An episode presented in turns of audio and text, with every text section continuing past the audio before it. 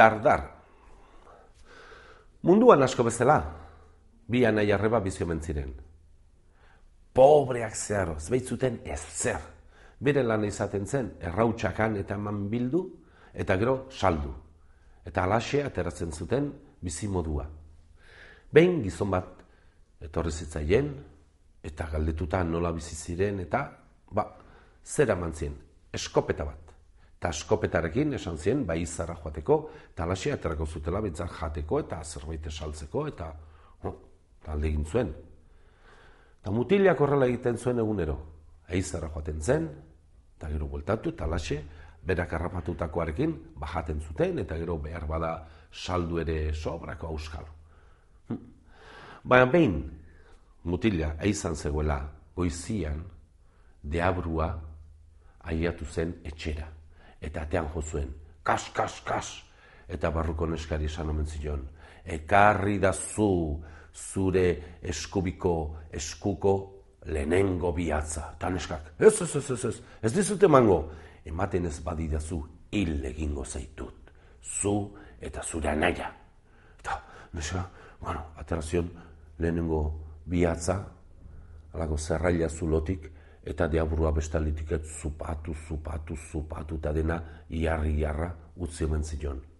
Eta zaiozu, zure nahiari zer esan, bihar goizeko marretan berriro etorriko naiz. Eta joan zen, urrengo gunean, diaburua, heldu eta dar, dar, dar, ekarri dazu zure eskubiko bigarren bihatza. Eta neskak, bildurtuta, eman zion, zerraila zulotik bigarren bihatza, eta jaurua zupatu eta zupatu eta zupatu dena iarri arrautzi omen zion.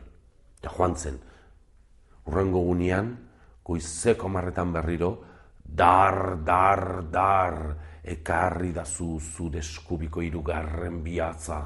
Eta neska, beldurtuta, ba, neskak eman zion, irugarren bihatza, zerrailet zulotikan, eta deabrua zupatu eta zupatu eta zupatu eta dena iarri jarra.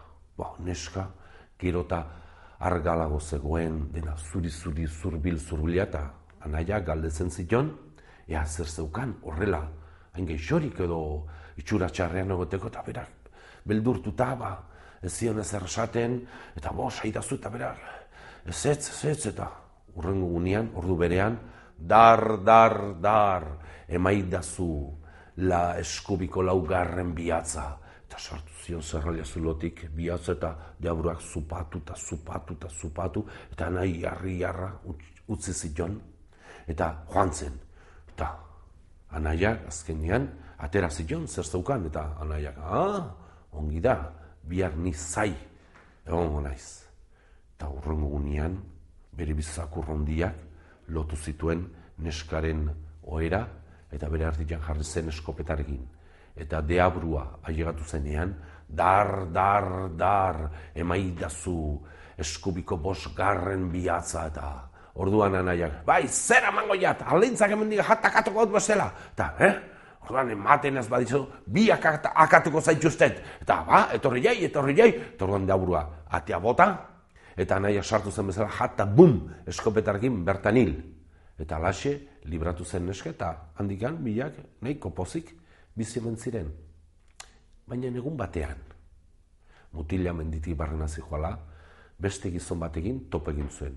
Eta gizonak esan zion, oh, ator nirekin, ator, ara, erakutsiko diat nire etxea, nun bizi nahi zen. Eta alaxe joan zen, eta antxe, sekulako palazitu bat. Eta mutila sartu zen, lehenengo ate bat zabaldu tangela bat.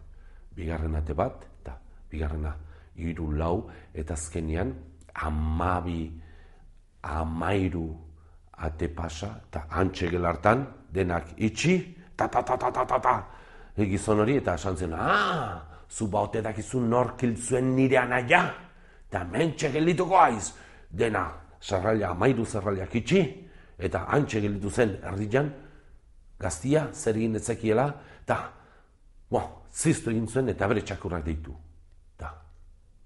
ez zen ez zuten. Txisto egin zuen berriro, eta txakurra deitu, eta zerre.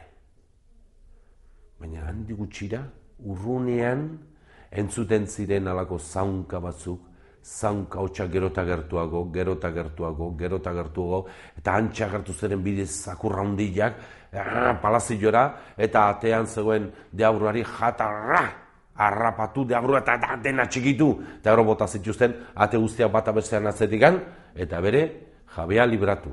Eta libratu zutenean, antxe zuen altxor eta aurre eta guztiak hartu bere joan zen, eta horraxe bere arreba. Eta anaia, ba, primeran biziomen ziren, eta ongi bizi izan baziren, ongi hil ziren.